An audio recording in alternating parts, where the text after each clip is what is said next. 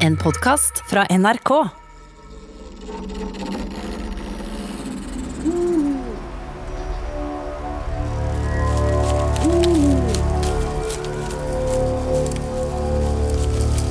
Det er svarte natta. En gammel, tannløs gubbe og en ung kvinne med en liten bylt i armene springer så fort de kan gjennom den tette krattskogen. Kvister og greiner pisker dem i ansiktet.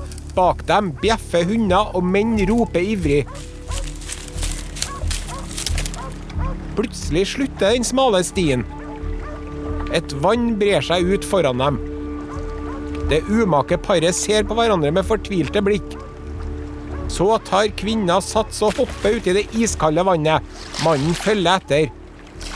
De vasser utover mot en liten holme og rekker akkurat å gjemme seg i sivet idet forfølgerne dukker opp der de var for bare et øyeblikk siden. De gjør seg så små som mulig. På bredden yrer det av våpenkledde menn, og ulvelignende beist snerrer. Mennene roper ut i natta. Vi veit du er der! Vi finner deg nok! Gi oss barnet! Gunhild kongemor vil ha ungen din! Og kvinna klamrer bylten mot brystet og hvisker lavt til sønnen sin. Hysj, hysj, lille Olav. Jeg skal aldri gi deg fra meg, samme hva.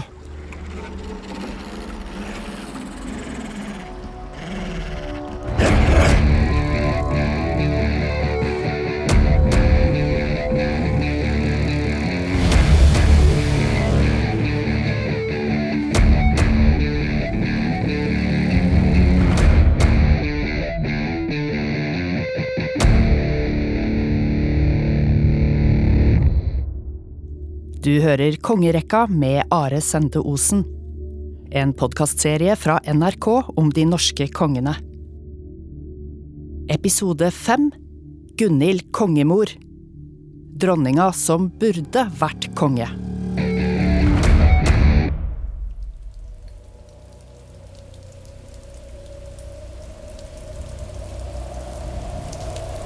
Året er 960, sånn cirka. En sur vårvind uler og regnet øser ned over en kongsgård nord i landet. Men i kammerset til Gunhild kongemor oppe i andre etasjen er det varmt og godt og fyr i peisen. Flotte tepper i sterke, klare farger og vakre dyreskinn henger på veggene. Og under taket henger bunter av pors, einer, kvann og andre urter. Rommet lukter friskt og godt. Veggene er dekt av vakkert utskjærte hyller, fylt av små og store glassflasker. Og i ei jerngryte bobler og syder et underlig innhold. Og veit du hva? En fugl! En hvit ravn driver og hopper omkring i rommet. Gunhild kongemor sitter i en stol. Det lange, blanke håret flommer nedover skuldrene hennes, og hun Gunhild hun driver ikke og karder ull, for å si det sånn. Ikke driver og kjerner smør heller, eller vever for den saks skyld. Gunhild sitter og nipper til et glass vin mens hun stirrer inn i bålet. Ser nesten ut som hun prøver å se framtida inni flammene og gløren.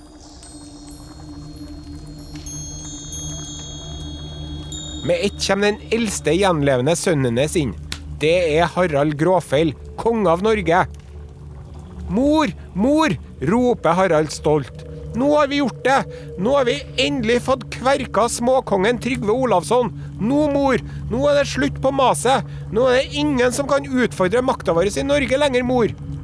Gunhild spretter opp av stolen så vinglasset velter. Blodrød vin renner utover bordet og drypper ned på gulvet, men Gunhild enser det ikke. Hun danser bort til sønnen sin, stryker ham på kinnet, kysser ham i panna og sier 'Så flink du er, gutten min'. Nei, det var gode nyheter. Nå skal det feires. Men plutselig snur hun seg og setter øynene inni sønnen sin og sier 'Men du?' 'Ja, mor'. Jeg har hørt rykte om at en kong Trygve var far til et lite barn. Et guttebarn. Ja, de sier det, mor, at enka hans fikk en unge nettopp. Men det trenger ikke vi å bry oss om nå. Harald, det barnet skal jeg ha. Bring meg det barnet, Harald. Bring meg barnet, hent det hit, så hvem vet, kanskje det blir utsatt for en liten ulykke. og så kakler Gunhild en ond latter mens ravnen hopper rundt og hermer 'Ulykke! Ulykke!'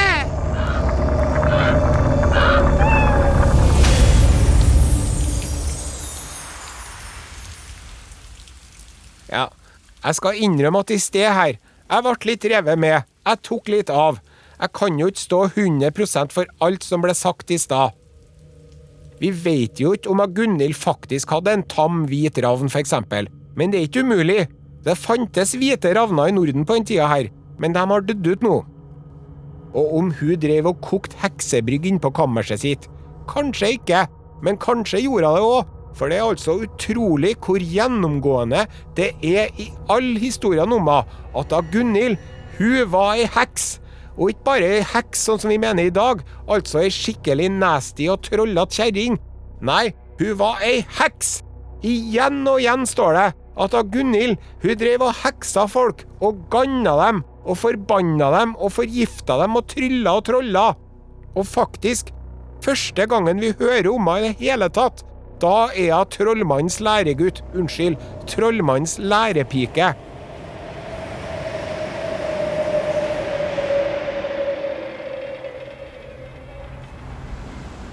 Det er et mysterium hvor Gunhild kommer fra, og det er to historier ute og går. I den ene kommer hun fra Nord-Norge, og første gangen vi hører om Gunhild da, er da den unge prins Eirik Blodøks er på vei hjem etter å ha vunnet stor seier i Bjarmeland, området som i dag er rundt Kolahalvøya. På veien hjem var det noen av mennene hans som tok seg en liten sightseeingtur i Finnmark. Langt utpå Finnmarksvidda kom de, altså mennene til Eirik, over ei gamme, en enkel jordhytte. Og i den gamma var altså den vakreste unge kvinnen de noensinne hadde sett. Gunhild. Kanskje en av de minste vakre kvinnene også, faktisk, for hun var visst veldig lav, men altså usedvanlig vakker. Vakker og vever. Og Gunhild kunne fortelle at hun var dattera til, ikke Kaiser Saase, men Ossur Tote. Og Ossur Tote, han var en høvding fra Hålogaland. Og så sa Gunhild at hun var her på vidda for å lære trolldom av to finner. Altså, finner her betyr ikke at de kommer fra Finland. Finner her, det betyr at det dreier seg om forfedrene til de folkene som kaller seg samer i dag. Men tilbake til den unge, dritfine trolldomseleven ute på Finnmarksvidda. Gunhild forteller at de her to trollfinnene hun går i lære til, de er ikke noe vanlige trollfinner. Tvert imot. De her to finnene var de beste trollmennene i hele Finnmark. De var rågode til å følge spor, fortalte Gunhild. De var best i verden på ski. Alt de sikta på med pil og bue, traff dem. Hvis de ble sur og så på bakken, snudde den seg opp ned. Og om de satte øynene i noe levende vesen, så døde det. Tvert. Ganske skumle trollmenn, med andre ord. Hadde det vært meg som hadde vært mennene til Erik Blodøks, så tror jeg at jeg hadde sagt det var litt av en historie, gitt. Oi, oi, men all verden, er klokka blitt så mye alt? Vi må se til å komme oss videre, vi. Du får ha takk for kaff, eh, buljongen, og lykke til videre, du vakre unge kvinne. Men det er forskjell på meg og vikingkrigere på begynnelsen av 900-tallet. For da Gunhild spurte om de ikke kunne tenke seg å gjemme seg i Gamma og hjelpe å drepe disse trollmennene, så syntes de at det var en strålende idé. Så de gjorde nå det gjemt seg inni gamma. Må ha vært ei stor og romslig gamme, herre, hvor man bare kan gjemme unna i hvert fall to, kanskje flere menn. Hvordan denne gjemminga der foregikk, har jeg spekulert mye på. Jeg tipper de la seg i en krok, og så fikk de slengt noe reinskinn eller noe over seg. En slags gjemsel. Og så tok hun Gunhild fram en liten pose hvor det var et pulver oppi som så ut som aske, og så strødde hun det rundt omkring i gamma, både utafor og inni. Ganske snart kommer de to trollmennene hjem og spør hvem er det som har vært her. Ingen, sier Gunhild uskyldig. Veldig rart, sier trollmennene. Vi fulgte spor hit, men plutselig forsvant de. Hm, pussig, sa trollmennene. Det var derfor at Gunhild hadde strødd det pulveret rundt omkring, da, vet du. Var for å viske ut sporene. Ja ja, hva er til middag? spurte trollmennene. Og så spiste de seg god og mett, og så gjespa Gunhild og sa Jeg tror jeg skal begynne å køye deg, gitt, og rydde opp i senga si. Ok, vanligvis når Gunhild lå og sov, så satt dere to trollmennene og skula på hverandre og passa på at ikke den ene krøyp opp i senga mens den andre sov, for de var så sjalu, sjø. Men nå sier Gunhild, kom nå hit og legg dere på hver side av meg. Og trollmennene bare yes, endelig! Hvem vet hvor dette ender? Trekant, kanskje? Og så spratt de opp i senga og la seg på hver sin side av Gunhild, inni hver sin armkrok, og så sovna de tvert. Og så tok hun Gunhild og vekket dem. Og så sovna de igjen. Og så tok hun Gunhild og vekket dem igjen. Og så sovna de igjen, og nå gikk ikke det an å vekke dem. Og da tok hun Gunhild to skinnposer og trakk over hodene deres og ropte Eirik Bloek sine menn, som hadde gjemt seg og ligget musestille mens alt dette foregikk. Så ropte Gunhild, Nå, gutta! Drep dem! Drep dem! Og kongsmennene sprang fram og hogg og stakk dem i hjel og dro likene ut av gamma. Og den natta var det et sånt forferdelig tordenvær at de kunne ikke gå noen sted.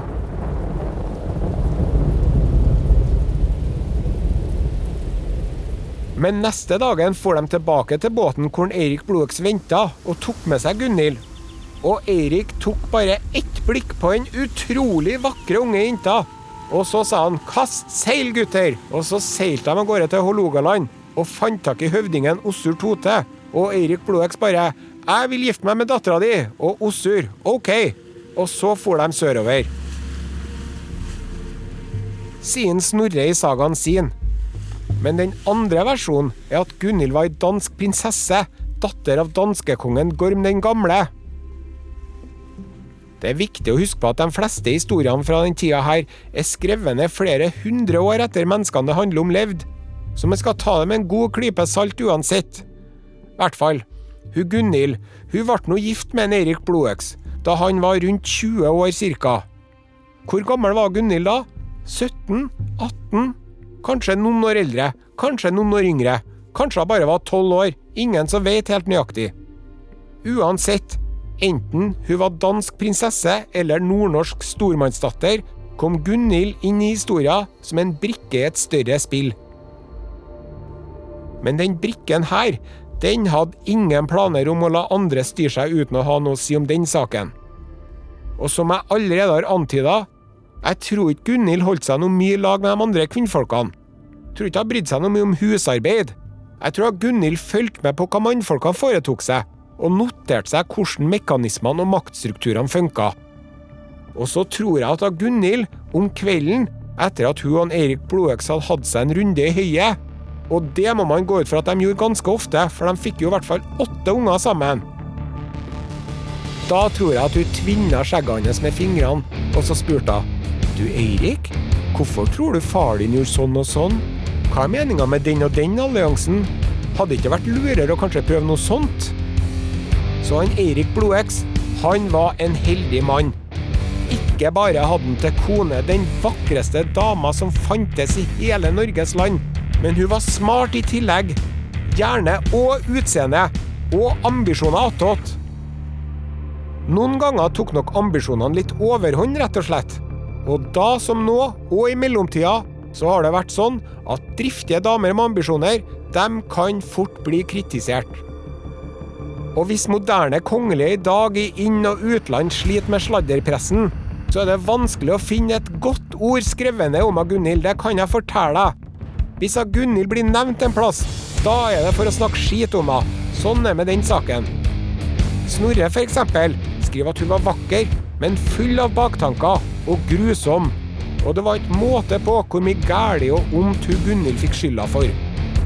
Da ene halvbroren til Eirik Blodøks døde brått og uventa under et party i Trøndelag, da var det mange som sladra og slarva om at Gunhild hadde fått ei trollkyndig kone til å lure gift oppi drinken hans. Dette trodde jeg noe på sjøl. For det første, på 900-tallet, så var det ganske mange som døde brått og uventa og trengte ikke nødvendigvis å være noe ugler i mosen av den grunn. Og for det andre, hvis at Gunhild skulle forgifte noen, så trengte ikke å få noen andre trollkjerringer til å ordne gift for seg. Det tror jeg Gunhild kunne ordne sjøl. Men som sagt, hvis det var noe som gikk galt på den tida der, da var det Gunhild sin skyld. Kong Eirik Blodøks var upopulær. Det var Gunhild. Skattene var for høye. Det var Gunhild. En eller annen kongsbror som dør. Å, det er sikkert Gunhild som har drept den. Så det som er tonen i sagaen, da, det at det var Gunhild som gjorde at Eirik Blodøks ble så upopulær. At en Håkon den gode mer eller mindre kom til dekka bord da han kom til landet, og ble konge nummer tre i den norske kongerekka. Men det er nå en ganske forslitt klisjé å skylde på kjerringa her, da, syns nå jeg. Og jeg tror at hvis Gunhild hadde hatt sitt å si om den saken, så tror ikke jeg de hadde gitt fra seg Norge til en Håkon så lett. Men de gjorde nå det, og endte opp som konge og dronning i deler av England istedenfor Norge. Og det var jo ikke noe dårlig erstatning for all del. Men riktig like gjevt var det nå ikke å være underkonge i litt av England som å være konge over hele Norge. Men jeg tipper at Gunhild sa til seg sjøl man spiller nå med de kortene man har, og nå er vi her, i England, og får gjøre det beste ut av det. Men så var det at de fikk uventa besøk av sin gamle nemesis, Egil Skallagrimson.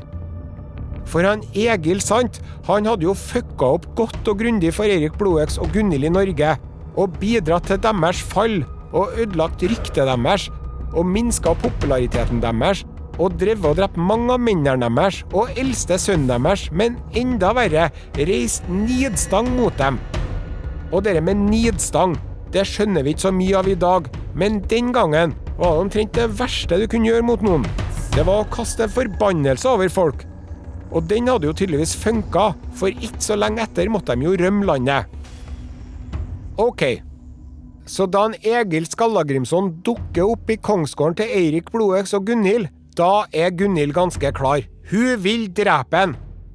Og jeg tror han Eirik Blodøks var klar for det, han òg. Men så var det sånn at den gangen så var det dårlig stil å drepe folk om natta. Det var ikke helt comme il faut. Hvis man skulle drepe noen, skulle det helst skje om dagen. Det er ikke alle kongene som har fulgt denne skikken der så veldig nøye, men det ble noe sånn. Egil Skallagrimson ble med kompisen sin Arinbjørn hjem til han, og så gikk de opp på loftet. Og så sa han Arinbjørn. Jeg har en plan, Egon. Unnskyld, Egil. Jeg har en plan. Nå skal du dikte et kvad om Eirik Blodøks som er så bra at han ikke kan ta livet av deg. Så du kan bare glemme å sove i natt. Du må dikte verdens beste dikt. Og Egil Skallegrimson sa OK, og satte seg ned og fant fram rimordboka si. Og så gikk en Arinbjørn ned og satt og drakk sammen med kompisene sine i flere timer. Og så, da det var langt på natt, da gikk han opp på loftet for å høre hvordan det gikk med diktinga. Nei, det gikk skikkelig dårlig, sa han Egil Skallagrimson. Hæ? Jo, du skjønner, det har sittet en forbanna fugl utafor vinduet og kvitra og knatra og peppa og plystra sånn at jeg har ikke fått dikta et eneste ord. Ja, det syntes noen Arnbjørn var underlige greier, så han klatra opp på taket der hvor fuglen hadde sittet. Og da, vet du hva Arnbjørn så da? Hold på hatten, sier jeg bare. Da så han Arnbjørn en kvinneskikkelse som lurte seg ned fra andre sida av taket. Var det en ninja? Nei. Var det en Catwoman? Var det en juveltyv fra et omreisende sirkus? Det var ingen av delene. Det var en spiss ørene hamløperske. Vet du ikke hva en hamløperske er, du heller? Det må ikke du skjemmes over. Det gjorde ikke jeg heller før. Men en hamløperske, det er da ei trollkjerring som opptrer i en annen ham. Altså i dyreskikkelse. Tror du ikke det var Gunhild som hadde trolla seg om til en trost og sittet og skvatra hele natta gjennom for å fucke opp diktinga til en Egil? Egentlig var han svale, men trost høres mye bedre ut, syns jeg. Snakk om utspekulert kjerring, men ressurssterk. Kan ikke annet enn å bli imponert.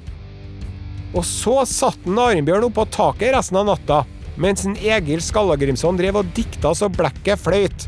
Bare at de gjorde ikke det, vet du. Det er lite sannsynlig at en Egil skrev ned noe som helst. Han bare laga hele diktet oppi skolten. Enda mer imponerende, men jeg rota meg bort. Tilbake til historia. Han Egil Skallagrimson han laga jo et dikt om en Eirik Blodøks som var så flott at en Eirik Blodøks sa greit, du skal få stikke av, da, for denne gangen, men ikke la det bli en vane. Så det var nå litt irriterende òg, etter alt bryet Gunhild tok seg med å trylle sammen til en trost, at han likevel klarte å dikte det diktet så bra. Men det var nå verdt et forsøk.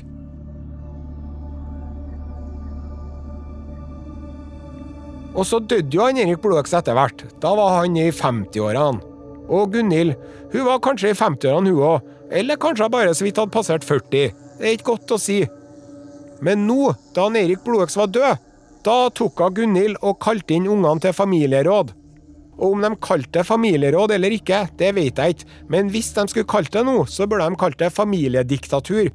For én ting er bra sikkert om den familien her, nå som en Eirik Blåks var i Valhall, det var at nå var det udiskutabelt Gunhild som var sjefen. Så hun Gunhild hun kalte inn til familieråd, og de kom, alle guttene hennes, gamle og Guttorm og Harald og Ragnfrød og Erling og Gudrød og Sigurd, og så sa hun, nå gutta, nå skal vi vinne tilbake riket til en far. Og alle sønnene, som små speidergutter, de bare OK, mamma, mor vet best. Og så for de til Danmark, og så spurte de danskekongen pent om hjelp til å erobre Norge. Og danskekongen var klar til å finne på litt farsk oppe i nord. Så han lånte bort både krigsskip og krigere, og så sendte Gunhild ungene nordover og sa trenger ikke å komme tilbake før dere har blitt konger i Norge. Men så gikk det noen uker, og så kom ungene hjem med halen mellom beina og sa at det gikk ikke, mor, de var så gode til å slåss, dere nordmennene, og gamle død mor, han døde i kamp mot kong Håkon Adalsteinsfosteret. Og Gunhild sa huff da, det var noe leit, ja, men heldigvis har jeg seks sønner til. Da får vi ta en liten pitstop her nå, samle sammen noen flere menn og nye skip, og så prøver vi igjen. Dere får bare legge dere i trening imens, for jeg er ikke ferdig med denne saken ennå. Å nei da, sa Gunhild. Og Gunhild-sønnene bare OK, mor. Og så, ett år etter, da tok hun Gunhild og klappa i hendene, og alle sønnene kom springende, og så sa hun nå, nå skal vi ta Norge! Kom igjen, gutta! Stå på! Sistemann til å drepe norskekongen er en pudding! Og så seilte de nordover igjen med nykvessa sverd og blankpussa hjelmer, men det varte ikke lenge før de kom tilbake like slukøra som sist, og bare Det er helt utrolig, mor. Vi hadde egentlig overtaket, skjønner du, men så lurte de oss. Og så gikk det rett i dass, så veit du, mor. Guttorm er død, mor. Guttorm er død. Og Gunhild, det var da som svarte at det skal være så vanskelig. Og huff da, var leit at en Guttorm òg gikk i vei. Men heldigvis så har jeg Hvor mange er dere? Tre, fire, fem Fem sønner igjen! Nå tar vi en liten pust i bakken, og så prøver vi igjen. Og dere vet hvem sier, gutta? Alle gode ting er tre. Neste gang, da blir det ordnings, sa Gunhild. Og så gikk det noen år, for nå hadde danskekongen i mellomtida begynt å tenke på akkurat hvor mange krigere og krigsskip han hadde å kaste bort på dette prosjektet her, for altså, de burde jo fiksa det her for lenge siden.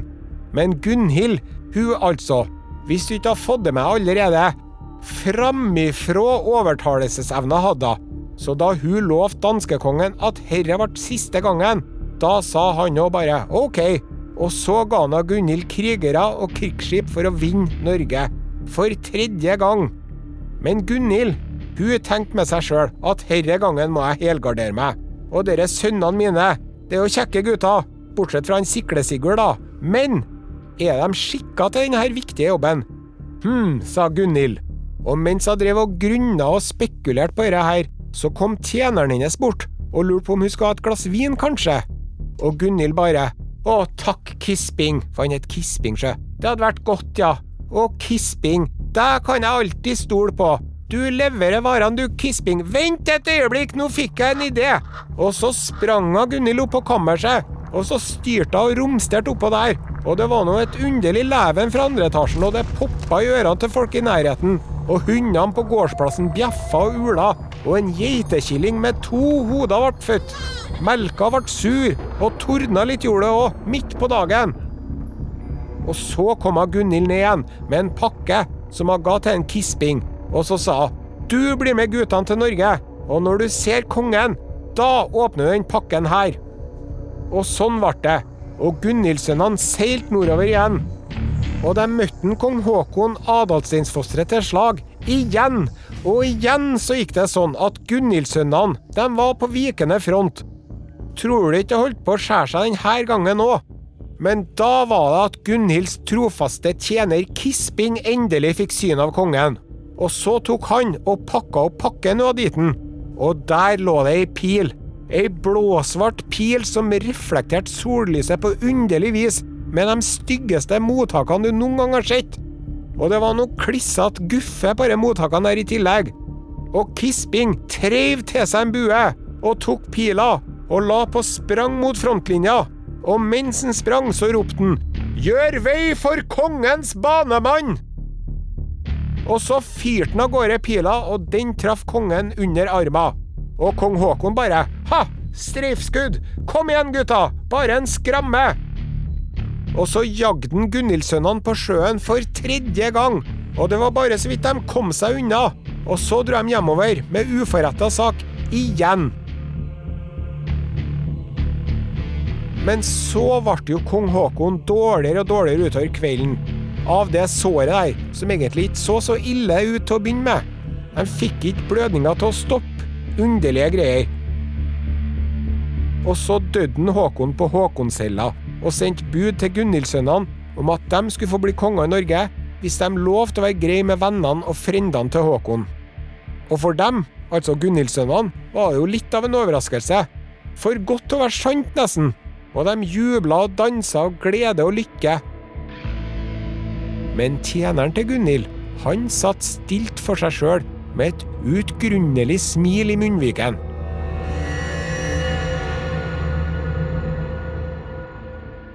Ok, her òg må jeg ta en liten timeout og innrømme at jeg kanskje malte denne historien her med litt bred pensel og litt for sterke farger.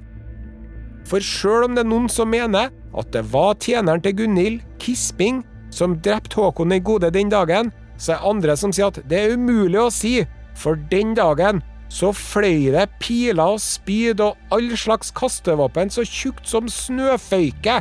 Det var en storm av stål. Og det med trolling av piler som Gunhild ga til tjeneren sin, og melka som surna og alt det der, det har jeg rett og slett funnet på. Beklager, jeg ble så revet med. hvert fall. Så ble Gunhildsønnene konger i Norge, med Harald Gråfell i spissen. Sa jeg Harald i spissen? Ja, i navnet var det jo Harald. Det var han som var overkonge.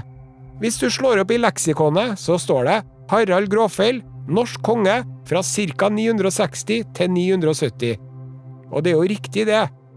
Men han Harald Gråfell, han gjorde som mor sa. Så i ti år var det stort sett bare velstand og topp stemning, og Gunhild, hun kosa seg på toppen. Og som sagt, satt ikke jeg med og karda eller veva, satt ikke med armene i kors, ikke beina heller, for den saks skyld.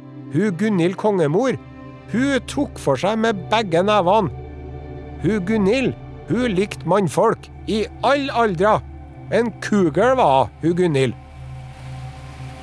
Har du hørt om den gangen hun tok seg elsker fra Island? Islendingen Ruth har forlova seg med Unn bortpå Island. Og så skal han bare ordne noe greier i Norge før de gifter seg. Og så kommer Ruth til Norge. Og rekker ikke å gå i land fra båten før tjeneren til Gunhild står der og sier at Gunhild kongemor vil snakke med dere. Og Ruth blir med hjem til Gunhild. Og Gunhild og Ruth sitter og drikker og koser seg.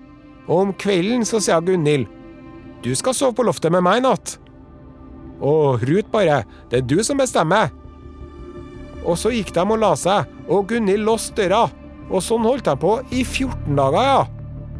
Og Gunhild sa til tjenerne sine at herre må dere bare fortelle til hvem dere vil, og hvis dere gjør det, så kommer ikke dere til å miste noe annet enn livet.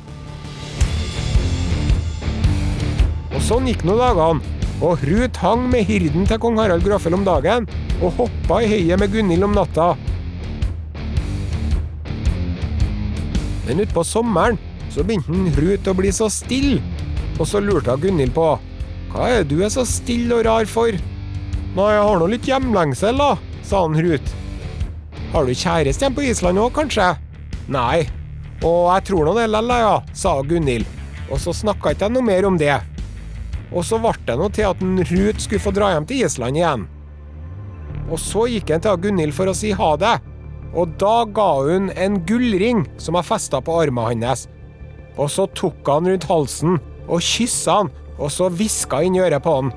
Nå skal du få angre deg på at du ikke sa det som det var med den jenta som venter på hjemme på Island. Jeg hekser deg, jeg hekser deg, jeg hekser deg! Du skal aldri få til å gjøre det med kona di!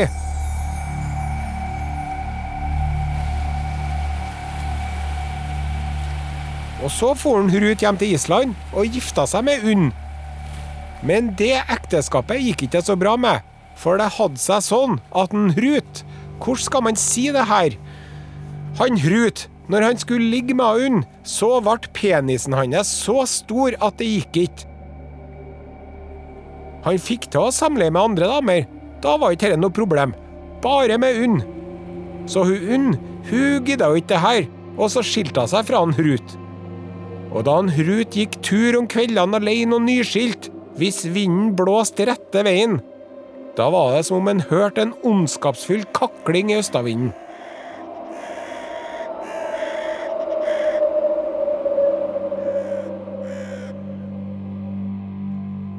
Og så er det også noen som mener at da Gunhild hun hadde et forhold til Ladejarlen også, Håkon Jarl.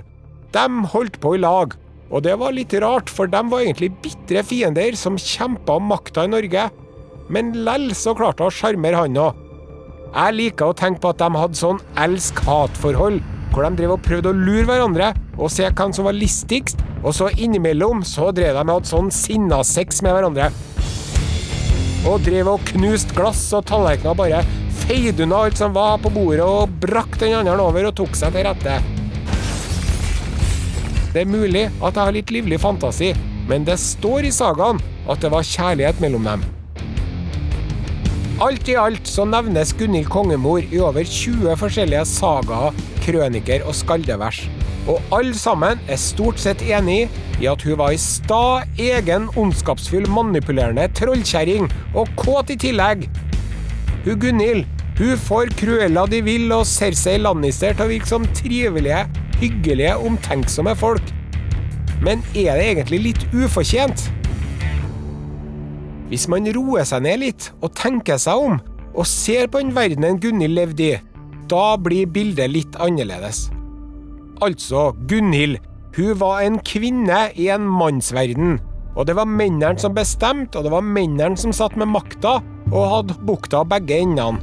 Og det må ha vært utrolig frustrerende for Gunhild, som som regel var den smarteste personen i rommet, at ikke hun fikk bestemme. For hun fikk jo ikke bestemme. For hun var jo bare kjerringa, eller mora til den som bestemte.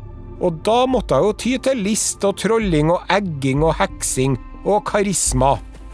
Men altså, at da Gunhild trylla om til en trost, eller svale, da, eller at hun som forsmådd elskerinne trylla på noen en kjempepenis, det er jo litt søkt.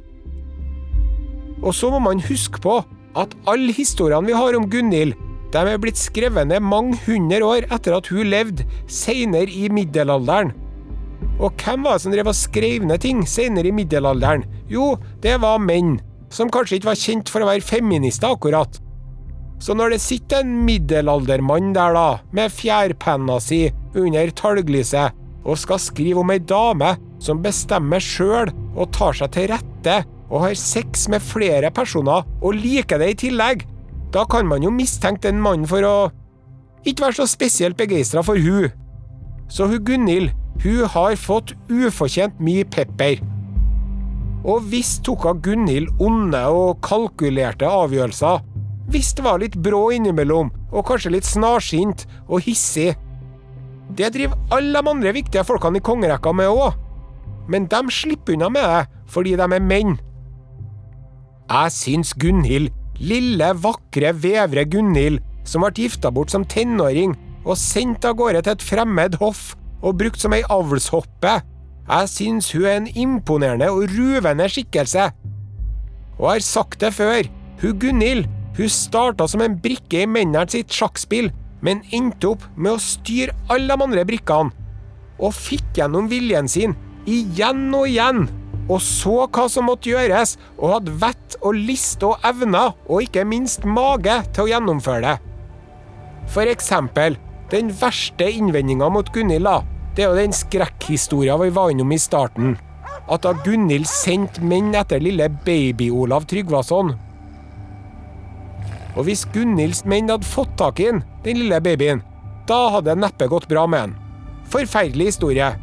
Men altså, det er mange som mener at hele den historia der er bare et eventyr som A skal gi Olav Tryggvason en nærmest bibelsk barndom, litt sånn Jesus eller Moses i sivet, og B en historie som er funnet på for å sverte Gunhild og framstille hun som ei heks. Men la oss nå gå ut ifra at den historien er sann, da. Gunhild prøvde å ta livet av unge Olav Tryggvason, for hun var redd for at han kom til å komme tilbake for å hevne seg. Ja, hun fikk jo rett i det. Han Olav Tryggvason, han kommer jo tilbake for å hevne seg. Så hvis man skal se kynisk og dynastisk og realpolitisk og kaldt og klinisk og distansert på det, så var det rette trekket å ta å fjerne den brikken der fra spillet. Og her kommer vi til sakens kjerne. Til tross for det handikappet det var å være en kvinne i en mannsverden, omgitt av idioter og dustemikler og hissige, bortskjemte brushoder som satt med makta, så var Gunhild best og hun gidda ikke å bry seg om begrensningene og hindrene samfunnet satt rundt henne. Hun så noe hun ville ha, og hun tok det. Og så lenge man er en mann, er dette en fremragende positiv egenskap som hylles og roses. Men hvis man er en kvinne, så skal man ikke holde på sånn. Hun Gunhild hun hadde en enorm påvirkning og var en viktig maktfaktor i Norden og Nord-Europa i nesten 50 år. Hun var svigerdattera til Norges konge nummer én, Harald Hårfagre. Hun var kona til konge nummer to, Eirik Blodøks. Hun fikk tatt livet av konge nummer tre, Håkon den gode. Hun var mora til konge nummer fire, Harald Gråfell. Hun var elskerinna til konge nummer fem, Håkon Jarl. Og hadde hun fått det som hun ville, ville aldri konge nummer seks, Olav Tryggvason, overlevd barndommen. Hvem andre kan skryte av å ha påvirka historien i så stor grad? Ingen.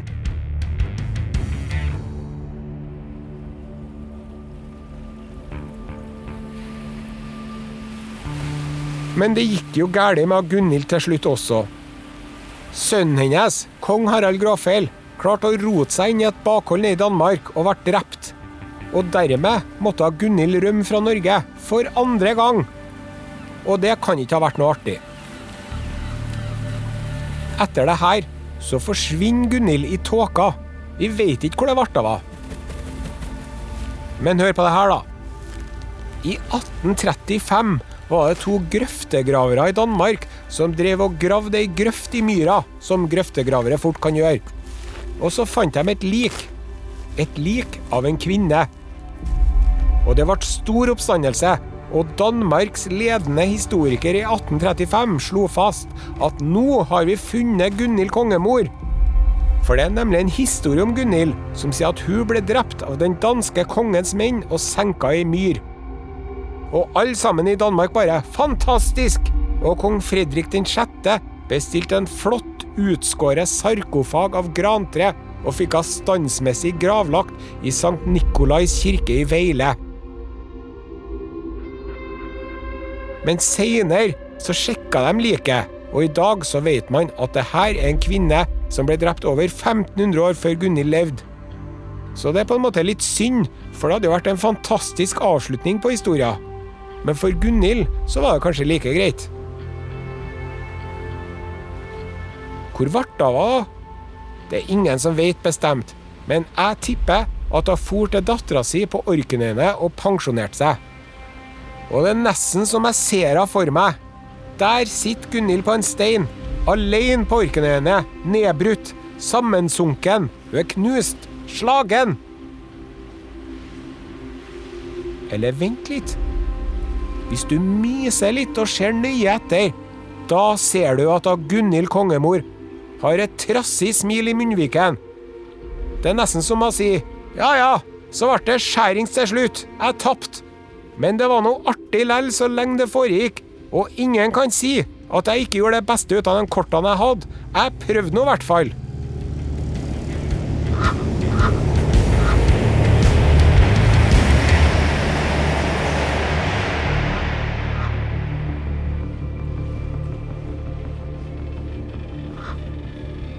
Men i Norge trer de mektige ladeølene inn i rampelyset for alvor.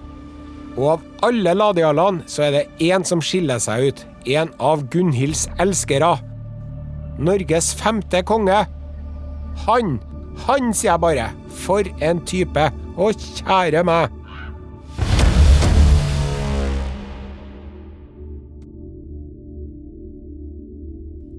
Du har hørt Kongerekka, laga av Are Sende Osen og Ragnhild Sleire Øyen. Historisk konsulent er Randi Bjørsol Verdal, og musikken er av Syncpoint. Neste episode handler om Håkon Jarl. Emneknagg metoo. Kongerekka er en podkast fra NRK. Du kan nå høre alle episodene i denne serien i appen NRK Radio.